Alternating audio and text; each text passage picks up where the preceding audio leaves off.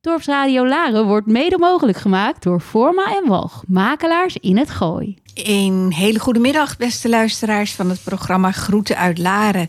Op deze prachtige, zonnige en tamelijk warme dag. Ik hoop dat iedereen ervan genoten heeft. In de studio zitten uw presentatrices Erika van Dijk en Joke Kok. Jan-Willem Bosboom staat aan de knoppen. En gastvrouw van vandaag is Tessa Markenstein. We hebben een aantal verschillende onderwerpen voor u in petto. We gaan het hebben over de dure energierekening die wordt verwacht en wat u daar misschien met een energiecoach aan kunt doen. We stellen u de klimaatburgemeester voor. En Halloween heeft definitief zijn intrede gedaan in Laren. En misschien zijn er nog wel tips en mogelijke oplossingen voor ondernemers met geldzorgen. Gisteren was er een spannende raadsvergadering en Groeten uit Laren was daarbij. Ik geef je straks een kort verslag. En natuurlijk komt ook nog onze dorpshistoricus Beb de Boer u weer met een straatnaam duiden. Welke? Dat hoort u straks. Stay tuned. Dan eerst wat kort nieuws.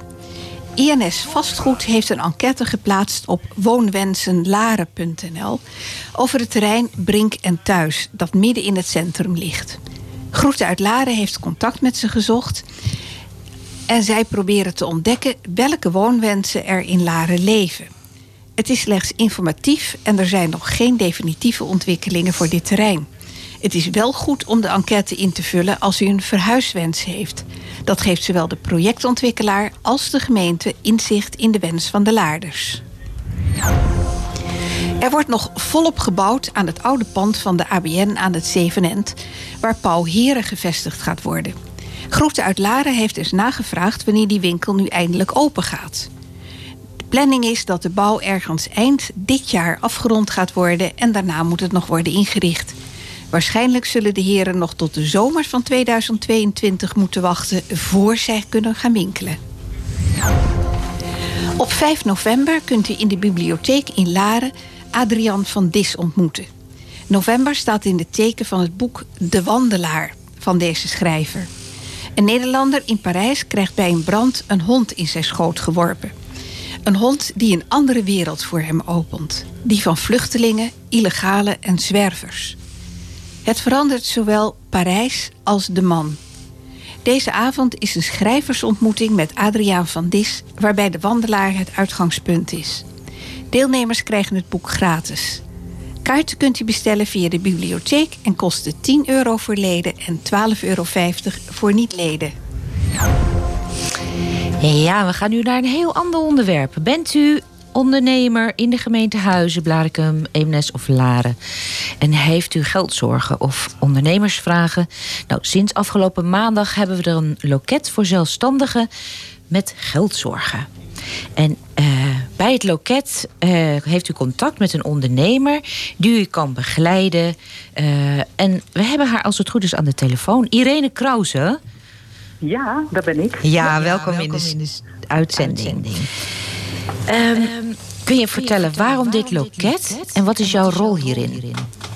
Ja, dit loket is uh, geopend omdat, uh, nou, we allemaal wel weten, uh, ondernemers aanspraak hebben kunnen maken op allerlei steunregelingen in tijden van corona. En deze steunregelingen houden op. Maar, um, zoals we ook misschien om ons heen wel zien, ik zie ze wel, zijn er ook mensen die hun spaargeld en pensioenpotjes hebben moeten aanspreken. En uh, op dit moment uh, liggen te piekeren in hun bed hoe ze het allemaal moeten bolwerken. En voor deze mensen hebben wij dit loket uh, geopend. Mm. En ja, mijn rol hierin is om uh, te inventariseren uh, wat er nodig is om zo snel mogelijk weer lucht te krijgen. En daar zijn verschillende oplossingen in mogelijk. Dat kan zijn dat er een, een, een, gekeken wordt of de onderneming nog voortgezet kan worden en welke begeleiding daarbij nodig is. Het kan ook zijn dat iemand misschien toch beter kan uitkijken naar een baan in loondienst. En misschien dat er aanvullend ook nog iets van hulp nodig is om schulden op te lossen of weg te werken. Mm. En wat voor soort ondernemers gaat het over? Bijvoorbeeld ook voor de kleine zelfstandige yogadocenten? Of moet je aan bepaalde voorwaarden voldoen? Nee hoor, het geldt, dit geldt voor alle ondernemers. Uh, groot en klein. Uh, nou, we weten dat er een aantal sectoren heel hard getroffen zijn. Uh, dus het is aannemelijk om te denken dat zij als eerste aan zullen kloppen. Maar dit geldt voor iedereen. Mm -hmm. Heeft u, hebben ze u de afgelopen week al weten te vinden? Er zijn een aantal mensen die mij al gebeld hebben, inderdaad. Uh, dus uh, het begint nu te lopen. En er wordt aan alle kanten ook volop aandacht besteed aan het feit dat het loket open is en gaat. Dus uh, ik verwacht nog wel meer toeloop de komende ja, periode. Ja. ja. Kunt u iets vertellen over uw achtergrond? Ja, zeker. Ik heb uh, tien jaar uh, projecten gedaan in scholen in de regio de Gooi en, en Utrecht. Uh, als zelfstandig ondernemer, onder andere in de Fontein MAVO in, in Bussen. Ik heb ook een vestiging gehad met studiebegeleiding in Laren. En daarnaast heb ik ook, ben ik bezig geweest met loopbaanbegeleiding van nou, heel veel mensen in, in loondienst, maar ook zelfstandig ondernemers. Ja, ja. Um, en uh, nou, ik ben nu ook als freelancer of als ondernemer ingehuurd om dit loket uh, te bemannen, te bemensen. Heel mooi. En kunt u nog iets vertellen over wat, wat u allemaal, waar u ze allemaal in zou kunnen bijstaan? Nou, dat kan, dat kan zijn uh, dat ik. Um, ze begeleidt richting een loopbaancoach die met ze gaat kijken wat voor hun de beste oplossing is. Het kan ook zijn dat ik ze kan uh, doorverwijzen naar uh, het bureau zelfstandigen in Hilversum, waar ze misschien nog in aanmerking kunnen komen voor bijzondere bijstand. Maar er is ook bijvoorbeeld om her- en bijscholing mogelijk. Dus als iemand iets nodig heeft om weer een stap te kunnen maken, dan kunnen we daar ook een hand in bieden. En daar is ook gewoon budget voor. En is deze hulp gratis? Deze hulp is helemaal gratis, ja. En hoe kunnen ze u bereiken? Ze kunnen me bellen op 06 31 13 61 80. Uh, ze kunnen ook binnenkomen lopen bij het spreekuur elke woensdagmiddag uh, tussen half drie en half vier in de draaikom in Huizen, ja, in het ja. buurthuis. Dus, um, en als mensen mij bellen, dan kunnen we altijd een fysieke afspraak maken op een locatie naar keuze. Oké, okay, er ook nog een e-mail of een site waar ze terecht kunnen? Of een e-mailadres? Er is een e-mailadres, dat is zelfstandigeloket.huizen.nl. Nou, helemaal goed.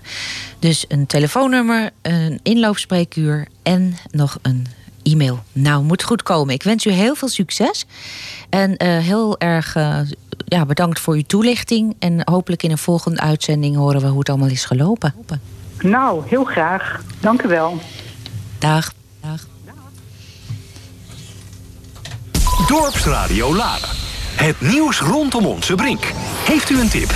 Meld deze via www.dorpsradio.nl of bel 035 781 0781.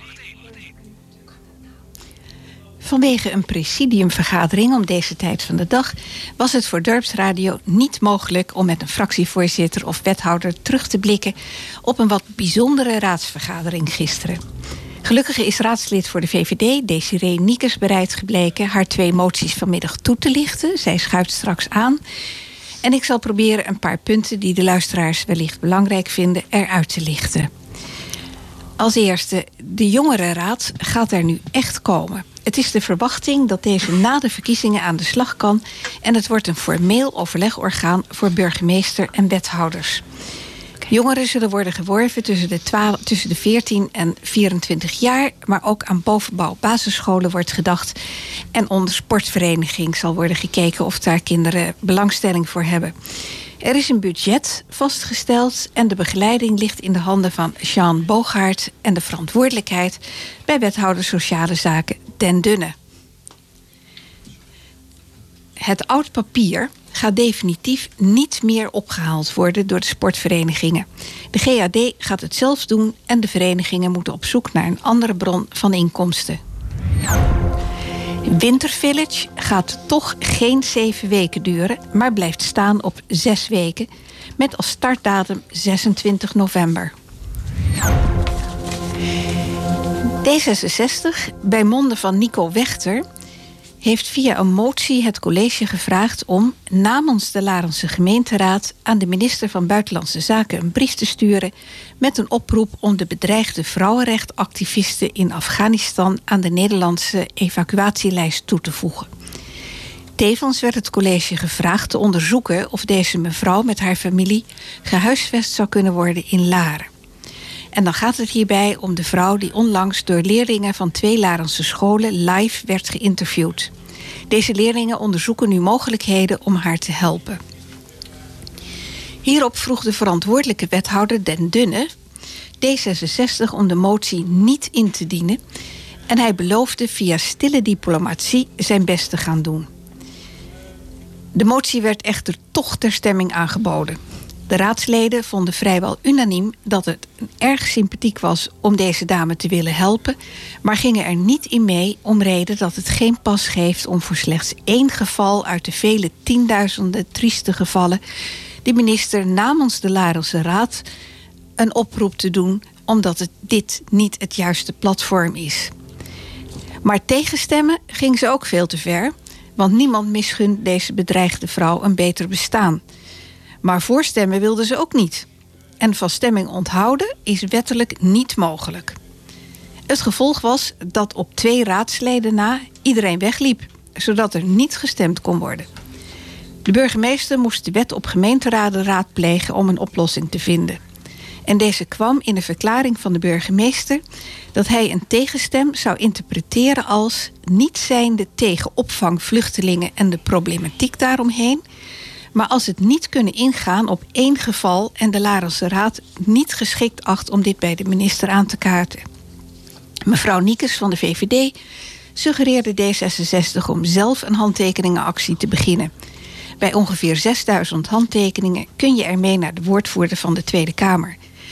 De motie werd als verwacht verworpen, maar het college kan nog wel stille diplomatie betrachten. Als laatste nog de padelbanen op het groene veldje voor de hockeyvelden. Er was oneenigheid in de coalitie van VVD en Larens Behoud. De VVD staat achter haar wethouder Stam, die de vergunning en de subsidie verleend heeft en daar juridisch niet meer op terug kan komen. Larens Behoud wil daar echter sociale woningbouw en verwijt de wethouder dat hij de raad, hoewel dat feitelijk mag, weer eens voor een voldongen feit heeft gesteld. De ruzie is bijgelegd met de toezegging van de wethouder dat niet het hele veldje gebruikt zal worden voor de padelbanen en dat gekeken zal worden of op de resterende deel van ongeveer 60 bij 60 misschien een paar tiny houses geplaatst kunnen worden. Nou, dan is nu aangeschoven mevrouw Niekes. Van harte welkom. En allereerst van harte gefeliciteerd met de geboorte van uw eerste kleinkind. Het is een prachtige kleindochter en ik heb de foto's al gezien. Heel Ja, erg Ik ben ook heel erg trots. En eh, ze heeft Gefeliciteerd een hele mooie ons. naam. En ze gaat heten Stevie May. Een hele bijzondere naam. Ja, maar zeker. Echt, eh, heel prachtig. Ja, Weet je waar het misschien wordt ze dat wel. Waar komt het vandaan? Vond Ik heb het gewoon een geen leuke naam? idee. Ik heb mijn dochter daar nog niet over kunnen ondervragen. Oké, dat komt nog. Komt nog. Nou, u bent raadslid voor de VVD en u heeft gisteren twee moties ingediend die beide zijn aangenomen. De eerste gaat over het eerder signaleren van kindermishandeling en huiselijk geweld. Waar ging het over en hoe denkt u dat te kunnen bereiken? Ja, eh, het huiselijk geweld is toegenomen tijdens de coronaperiode. Dat kan je heel duidelijk merken. De politie krijgt eh, steeds meer eh, meldingen binnen. Maar eigenlijk moet je dan al daarvoor zijn. Op de scholen wordt heel weinig gesproken over de thuissituatie. Kleine kinderen die thuis wonen en die, waar misschien heel veel eh, ouderlijk geweld is, slaan of ruzie of wat ook, zullen dat nooit vertellen aan andere kindertjes, omdat zij denken als ze klein zijn dat het zo hoort. Dat is hun beleving. En dat nemen ze mee als ze groter worden. Dus als ze groter zijn, krijgen ze daar juist problemen mee. En dan gaan ze natuurlijk in de jeugdhulp. En dat kan jaren duren voordat dat weer is afgebouwd. Een, een collega van mij uit eh Gooise Meren... die werkt bij de politie, bij de zedenpolitie. Dus zij is ook bij een bijeenkomst geweest in Brabant. En daar hebben ze die toolkit ontwikkeld voor de scholen. Als scholen daar interesse toe hebben, kunnen ze een toolkit aanvragen. In die toolkit zitten allemaal informatie en allerlei eh, mogelijkheden... om de kinderen weer met elkaar in contact te brengen. Dat ze gaan communiceren over hun thuissituatie. Dus als ze zeggen van ja, mijn ouders eh, die zijn wel heel vaak boos... En dat andere kinderen ook even, ja, die van mij ook, maar die van mij eh, die slaan mij of die slaan papa. En dan krijg je op die manier krijg je een beetje inzicht wat er gebeurt thuis bij die kinderen. Dus het is eh, niet een lespakket. Het is iets wat op school eh, aangeboden wordt. Je kan het eh, ergens neerzetten met foldertjes, met, met allemaal dingen erin die kinderen dan zien. En dan gaan ze daarover praten. En dat is eigenlijk de bedoeling om dan te onderscheppen welke kinderen thuis een, een andere soort situatie hebben dan dat normaal is. En dan ben je eigenlijk al een stap voor. Dan kun je die kinderen eigenlijk al begeleiden. Maar zou dat dan ook niet uh, iets zijn voor de onderwijzers en onderwijzeressen? Want een kind van vier of vijf, die heeft geen benul als daar een folder ligt, dat ze daar iets mee kunnen doen. Of een plaatje of zo. Ja. Dus dat moet toch in het lespakket, denk ik. Of, uh, ja, maar dan ja. wordt het echt een hele les, hè? En dan zijn de scholen ja, daar niet veel... een les, maar de onderwijzers moeten daar op de een of andere Tuurlijk. manier een training in krijgen. Om dat op te pakken of misschien ooit eens aan te geven. Of en dat zit ook in die toolkit? Dat zit allemaal in die toolkit. En per school kan je één toolkit aanvragen. Dus het is niet per klas is dat. Het is een 105 euro. Dus eigenlijk kost het bijna niks. Per toolkit? Per toolkit. En dan heb je één per school nodig. Want niet elke klas gaat daarmee aan de gang. Dus het is misschien een keer een momentje dat je daar de aandacht aan besteedt. Het moet ook niet een heel zwaar iets worden. Want dan gaan die kinderen weer niks zeggen. Nee. Dus het moet een beetje op spelende wijze moet dat naar binnen gebracht worden. En 105 euro per toolkit per school. Ja, en hoeveel scholen hebben we hier in Laren? Het zijn er drie, vier. Dus het gaat eigenlijk nergens over. Het bedrag is het niet. Het gaat om de basisscholen. Het gaat om de, de basisscholen. Ja, ja, ja. En eh, de gemeente zou dat moeten betalen dan? Er is een, een, een regeling voor, de NPO-gelden. Dat zijn gelden die bij de school hoort. Je hebt daarvoor 700 euro per kind kan daaraan besteed worden. Dus dan is die 105 euro per kind eigenlijk, of per, per school, school, is, sorry, is maar eigenlijk heel weinig. In Brabant hebben ze dat al uitgetest. Alle basisscholen in Brabant hebben al zo'n toolkit.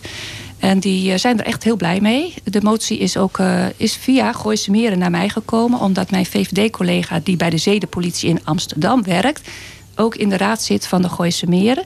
Zij heeft gezegd het is echt belangrijk, want ik zie wat er gebeurt. Ik ben op de werkvloer bezig en ik zie gewoon dat dat gewoon echt veel impact heeft bij de kinderen.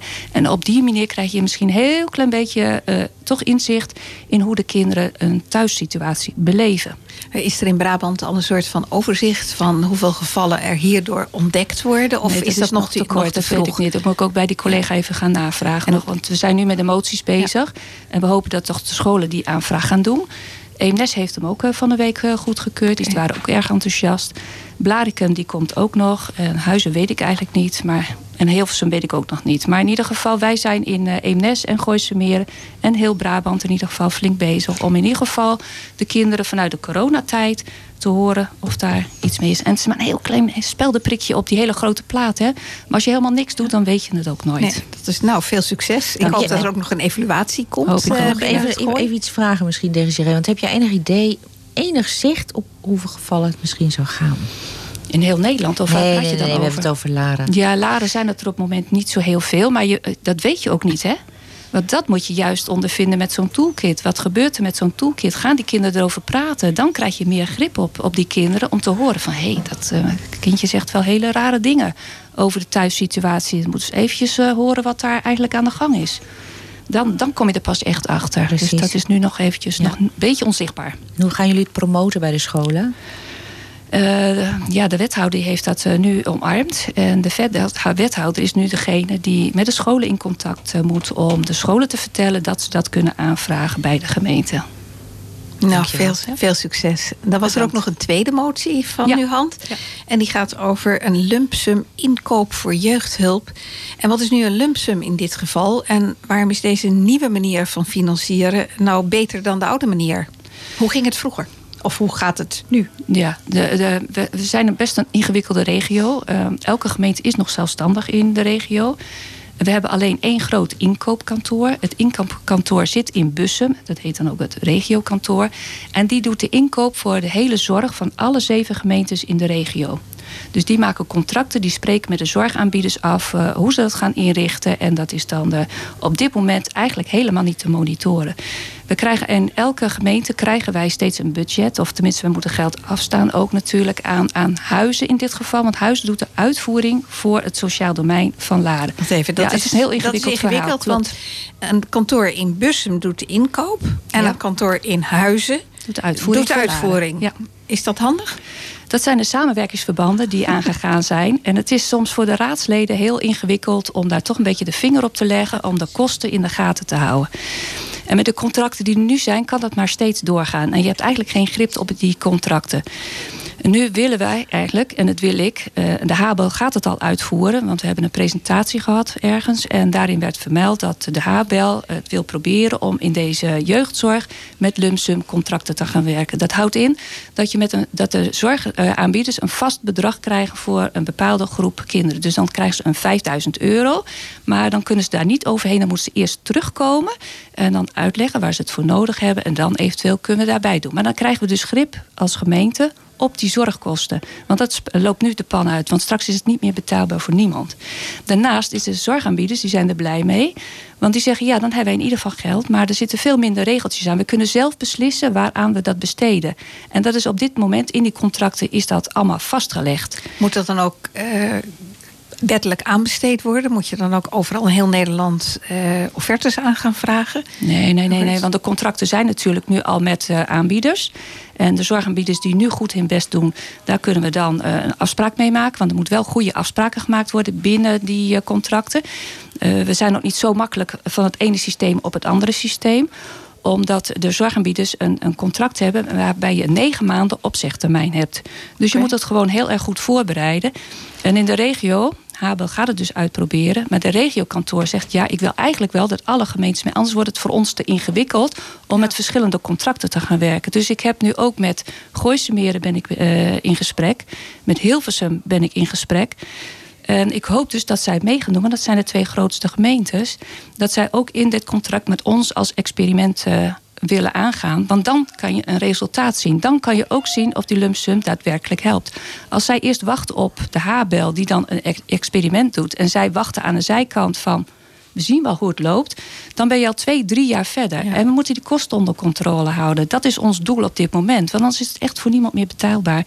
De wachttijden worden waarschijnlijk ook korter bij de jeugdzorg. Omdat de zorgaanbieders zelf weer kunnen bepalen hoe ze dat indelen. Dus dan is het toch wel een veel voordeel. Er zullen altijd nadelen aan zijn. Maar in dit geval denk ik voor de gemeentes moeten we het uitproberen. En in de hele regio om er samen achter te staan om dat uit te voeren. Want dan kan je het resultaat ook zien. En is er dan een tijdspad voor? Want je zegt er zit negen maanden opzegtermijn. Dus als je de huidige contracten op wilt zeggen, als dat met ingang van vandaag zou kunnen, dan zit je eigenlijk al negen maanden verder. Hè? Dan zit je zo hoog zomer volgend jaar.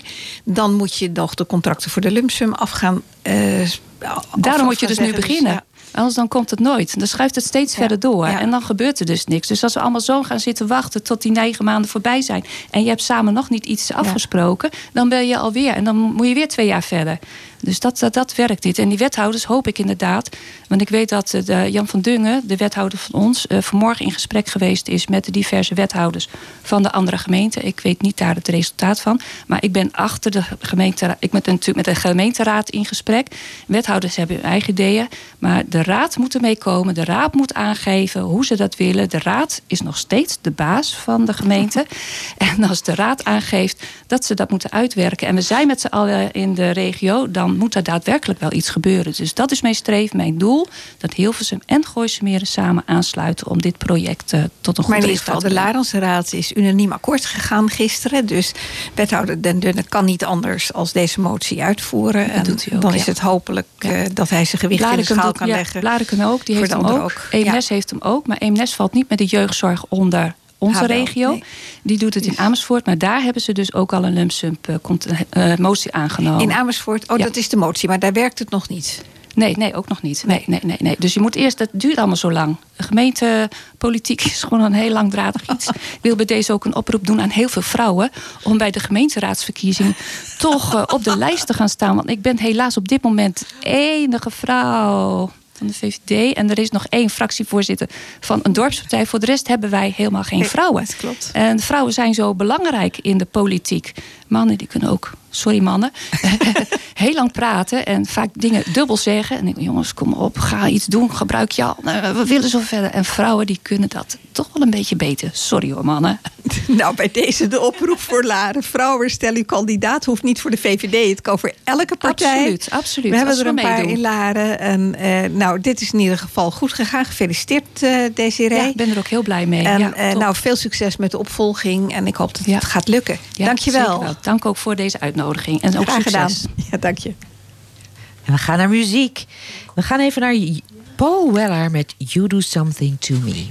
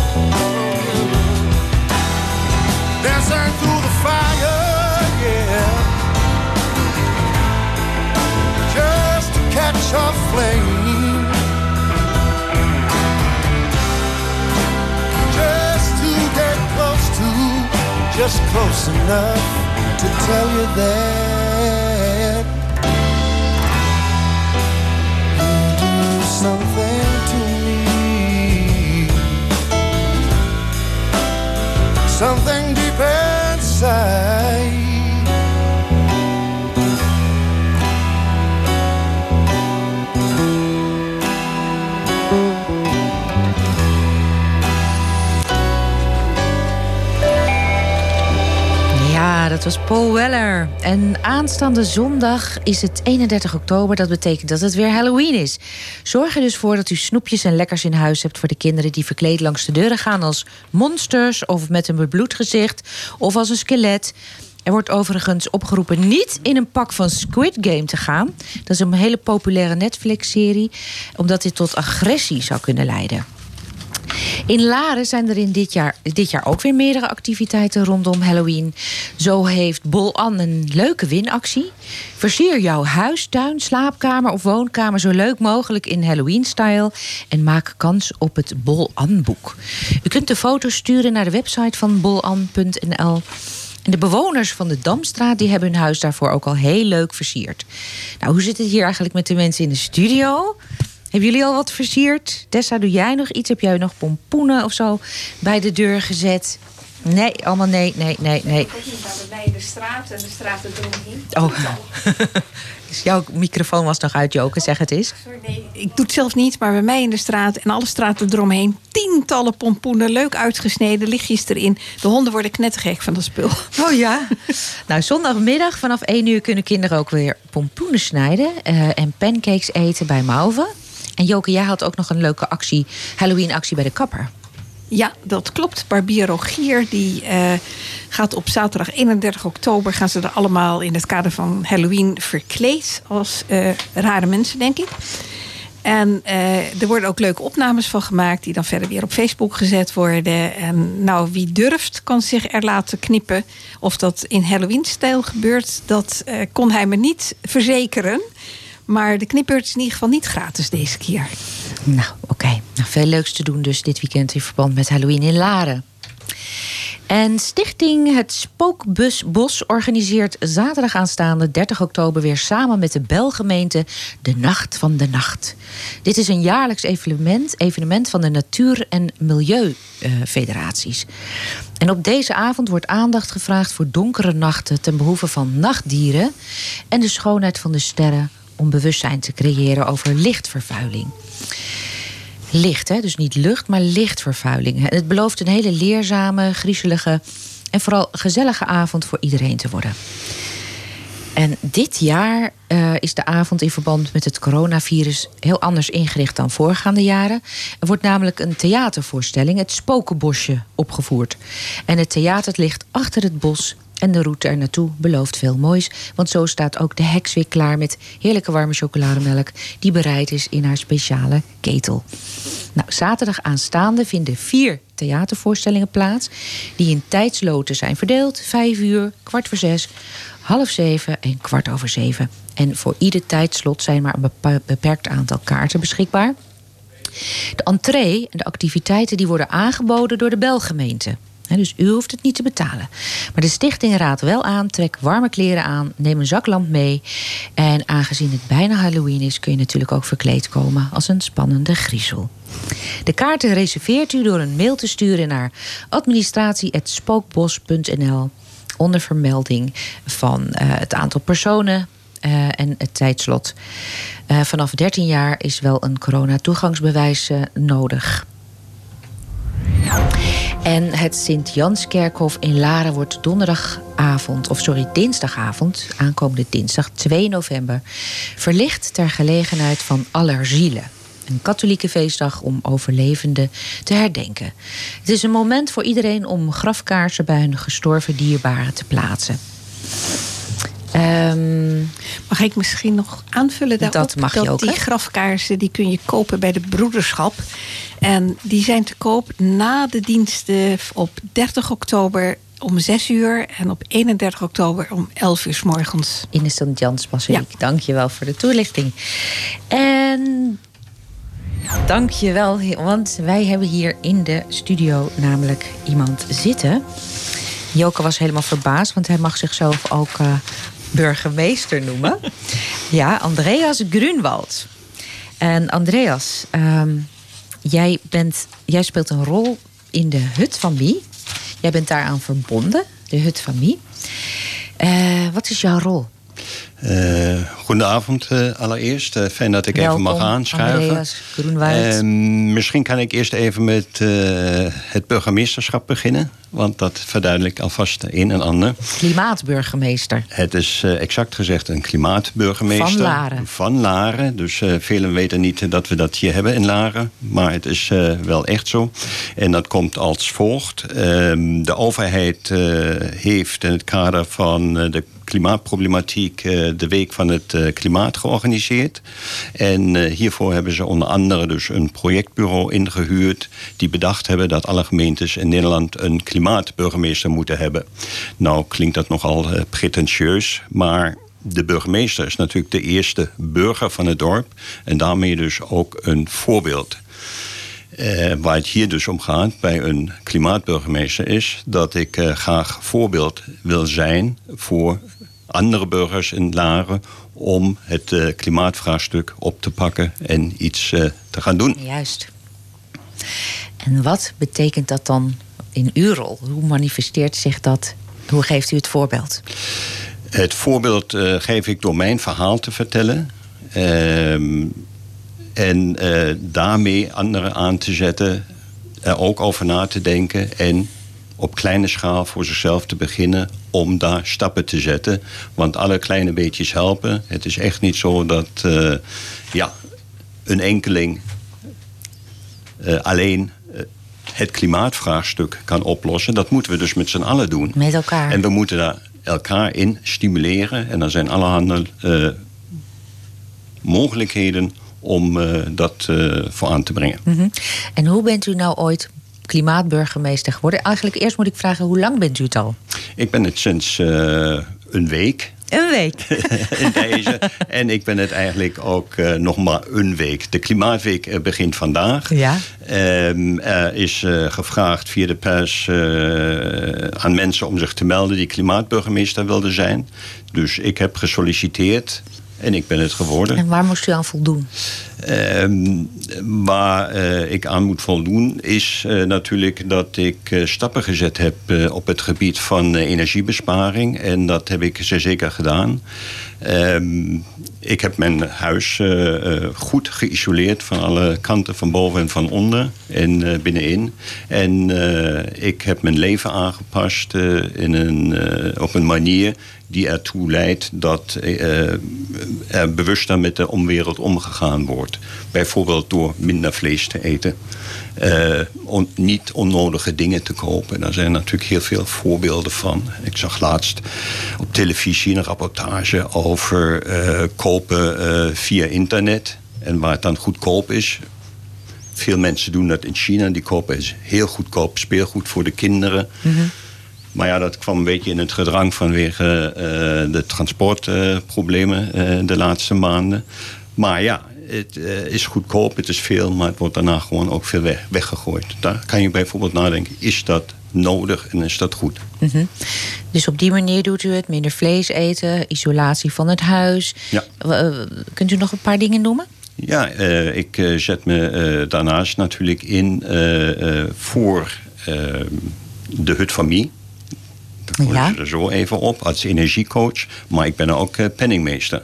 En tegelijkertijd eh, ben ik ook binnen D66, politieke partij in eh, Laren, voor dit dossier verantwoordelijk. Ja. Daar komen we zo op. Ik ben toch nog wel heel geïnteresseerd in die klimaatburgemeester. Want kunnen er nou meerdere klimaatburgemeesters zijn in één gemeente? grote steden hebben meer klimaatburgemeesters. Want het gaat daarom dat we eh, via de pers en andere kanalen ons verhaal doen. Nou, één klimaatburgemeester is echt niet eh, in de gelegenheid om een grotere stad eh, te bedienen. Ik weet, ja, dus voor Laren is dat één. U bent Voor de enige in Laren. Dubbel zo grote gemeenten zijn er wellicht twee. Ja. En u heeft zich aangemeld. U bent dus eh, ja, benoemd. Tot, en voor, tot hoe lang? Tot hoe lang? Ik eh, zei het daarnet al, eh, voor de duur van de Klimaatweek. Alleen deze. voor een week. Dat is alleen voor een week, maar het staat mij natuurlijk vrij... en ik hoop dat het dan ook nog een beetje doorgaat... om in dit kader opgestarte activiteiten... natuurlijk ook langer door te laten lopen. En ook daarna nog bij voldoende bekendheid... dus het uithangbord te zijn voor eh, energiebesparing en eh, milieubewustzijn. Door wie wordt u benoemd eigenlijk? Eh, eh, ja, benoemd eh, ben ik door het projectbureau. Die hebben de advertentie gezet en de reacties verzameld. En die hebben gekeken op basis van de sollicitatiebrief die je moest schrijven... van wie het meest geschikt zou zijn voor deze taak. Ja, en, en ik las ook, hè, de titel klimaatburgemeester is niet een officiële titel. Het kent geen juridische grondslag. Het is echt bedoeld als ambassadeur van het klimaat. En om het voorbeeld te zijn en het te leven. Dat is juist. Ja, nou, super. Heel veel succes in uw rol. Ja. En ik hoop dat u langer bent dan alleen maar één week. Ja, ik, wat mij betreft ben ik daar graag toe bereid. Ja. Dus, eh, En, eh, en hoe helpt, eh, u noemde het al, de hut van Mie... bij het besparen van energie voor de inwoners van Laren? Ja. Misschien moet ik even toelichten wat de Hut van Mie is. Mhm. De Hut van Mie is een stichting die in 2018 is opgericht door bewoners uit Blaricum en Laren.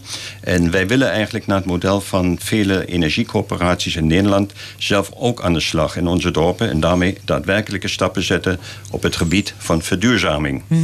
Door de schaalgrootte van beide gemeenten leek het ons zinvol één organisatie te vormen voor beide dorpen een organisatie van, voor en door bewoners, onafhankelijk en niet gebonden aan commerciële partijen. Een organisatie die alles aanpakt vanuit het bewonersperspectief. Ja. En er zijn energiecoaches. En wat, wat doet een energiecoach?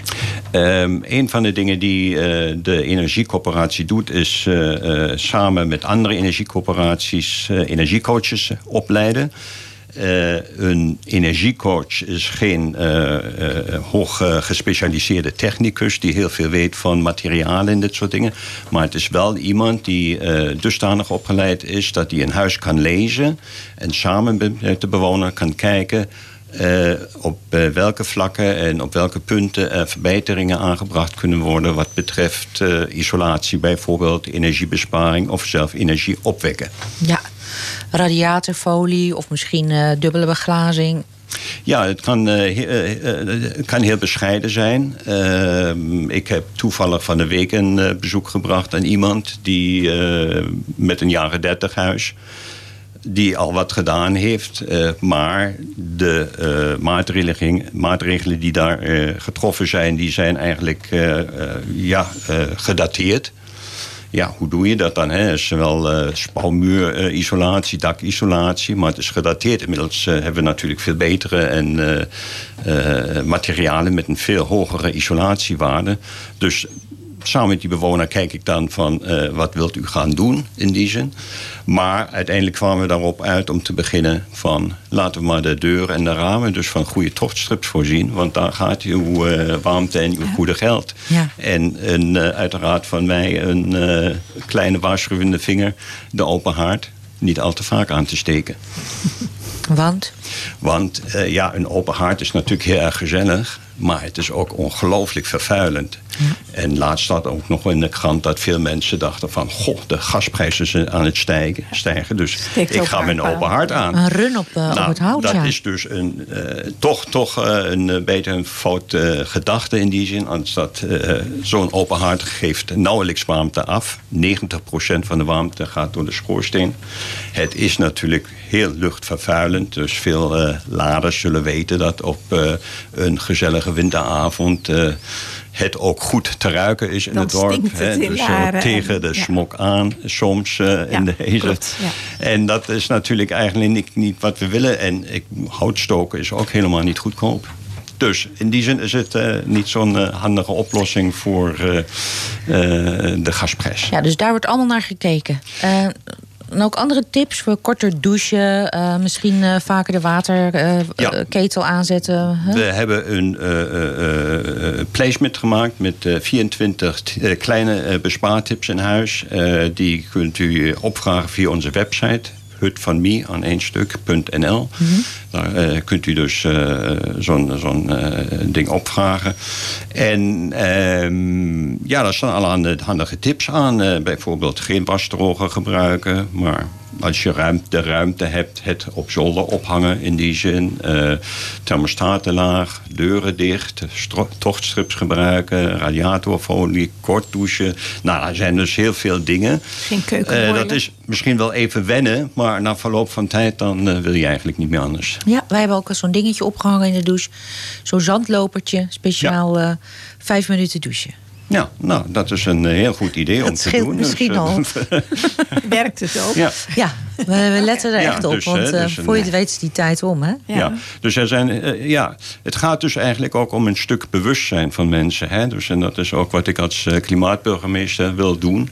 Eh, het bewustzijn bevorderen dat eh, eh, ja, we, het top 5 voor 12 is een beetje wat het klimaat betreft. En dat we zo niet kunnen doorgaan.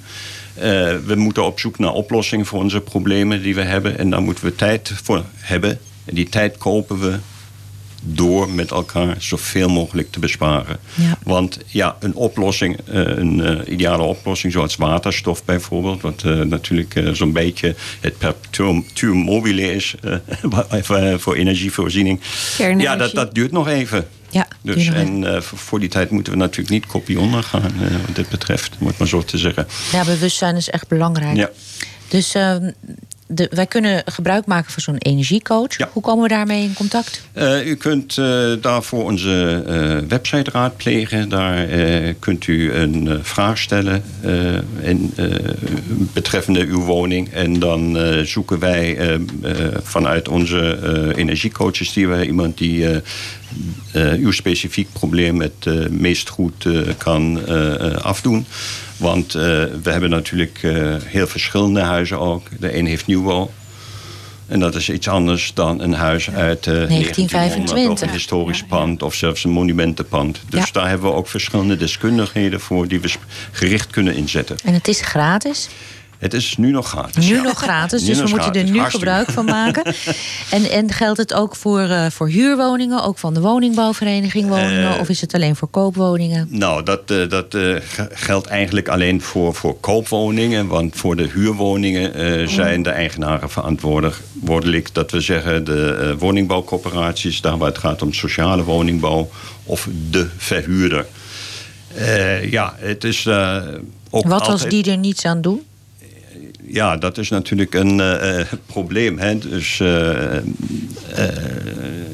kijk, er is altijd een beetje een grijze zone in die zin.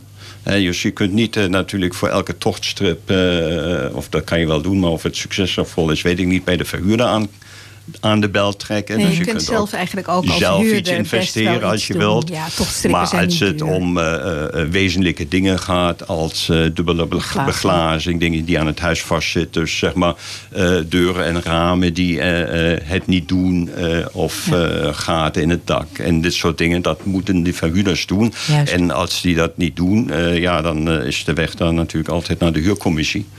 Wat op dit moment eh, overigens ook niet heel makkelijk loopt. Maar ja, dat is dan wel de weg die, u, eh, Ja. eh, die de mensen openstaat. Het is een beetje lastig. Dus mijn tip zou zijn van als je een vraag hebt, probeer het altijd een goed overleg met elkaar te regelen. En word niet zo snel boos. Ja, Nee, en coördineren gemeentes ook wel het een en ander. Ik weet niet hoe het met jou is, Erika, maar ik krijg regelmatig in de bus een brief.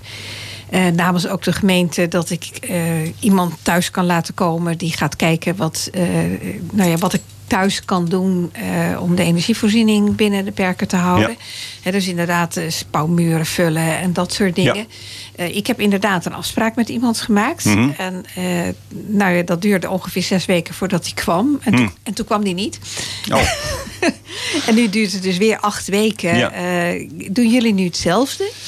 Ehm, Of zijn deze mensen ik weet meer niet van welke gespecialiseerd? organisatie die zijn. We werken natuurlijk wel een beetje met de gemeente samen in die zin. Als dat we ook eh, eh, subsidie ontvangen. Dus ik kan me voorstellen dat de gemeente ook eh, naar ons doorverwijst. Als u in Laren of Blaricum woont, dan Nog is niet, dat... maar misschien komt Dan is nog. dat de Ja. hut van Mie. In andere gemeenten zijn dat andere energiecoöperaties. Wij proberen in ieder geval alle aanvragen zo snel mogelijk te doen. Het zijn vrijwilligers die het doen in hun vrije tijd. En eh, nou, binnen eh, redelijke tijd, ja, als ik het zelf mag eh, zeggen, ik hou altijd aan dat ik binnen een week na de melding toch contact opneem met de mij toegewezen bewoner. En dat ik dan met de bewoner een afspraak maak wanneer ik langskom. En als ik geweest ben, dan zeg ik altijd dat het één à twee weken duurt voordat mijn rapport met adviezen op de deurmat valt. En als jullie nou adviseren van nou ga die spouwmuren maar opnieuw opvullen of dakisolatie of zo. Ja. Heb je dan ook eh, contracten met eh, bedrijven die dat kunnen gaan doen? Is dat ook eh, voor hele grote groepen, is er zo'n afspraak gemaakt? Ehm, wij hebben een project waarin we dus met elkaar samenwerken en dus zeg maar een collectieve isolatie Ja. kunnen aanbieden in die zin. Maar welke eh, club dat dan uiteindelijk is, dat eh, wordt altijd eh, jaarlijks bekeken. En eh, het is natuurlijk een kwestie van kwaliteit en prijs. Natuurlijk. Ja, maar Ja. als je het collectief doet, kan het altijd Ja. misschien eh, een paar procent Collectief is altijd eh, Is- is voordeliger. Oké, dankjewel. Andreas Grunwald, klimaatburgemeester, hartelijk dank voor uw toelichting. Graag gedaan. En eh, nou, misschien tot de volgende keer. Ja, heel graag. Graag, zelfs. fijne We gaan u graag vast nog een keer zien. Dorpsradio Laren. Vanuit het hart van Laren. U vindt onze studio in het Brinkhuis. Ja, en niet alleen in Huizen en Blarikum, maar ook in Laren worden deze maand eh, eh, tijdelijk de verruimde openingstijden van de supermarkten teruggedraaid. De verruimde openingstijden die werd ingevoerd als tijdelijke coronamaatregel. Ehm, door de winkels toe te staan ook op zondagochtend open te zijn, zou het winkelend publiek beter gespreid kunnen worden. Dit tijdelijke gedoogbeleid vervalt na 31 oktober. De supermarkten Jumbo en de Albert Heijn zijn inmiddels geïnformeerd dat zij komend weekend voor het laatst op zondag open mogen zijn. Nou, we kijken wel nog wat er gebeurt natuurlijk als het kabinet volgende week bekend maakt dat de coronamaatregelen misschien toch weer worden aangescherpt, omdat de besmettingscijfers snel oplopen. En dan eh, even terugkomend op de Week van de Veiligheid. Twee weken geleden vertelde onze burgemeester Nanning Mol hier ook al even over in onze uitzending met de actie Drop je knife, doe wat met je lijf. Werden jong- jongeren in het gooi opgeroepen hun steekwapens in te leveren bij de politie zonder vervolging of andere sancties. In totaal zijn voor ons gebied 42 wapens ingeleverd.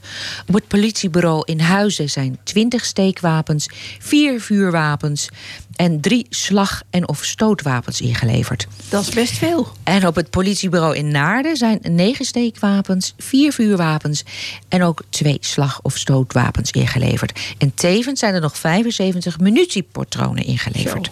Nou, de politie, de politie bedankt iedereen die heeft meegedaan. En wij hopen ook dat Laren nu weer een klein stukje veiliger is. En ja, we zijn alweer aan het laatste onderdeel toe van vanmiddag. Welkom, Beb de Boer. Wat goed u weer te zien. U kwam een beetje later vandaag binnen. Ik dacht, oh jee, Ja. gaat het lukken? Ik zat te lezen en dan vergeet je de tijd. ja, Maar goed u te zien. oké. Heeft u moeten haasten?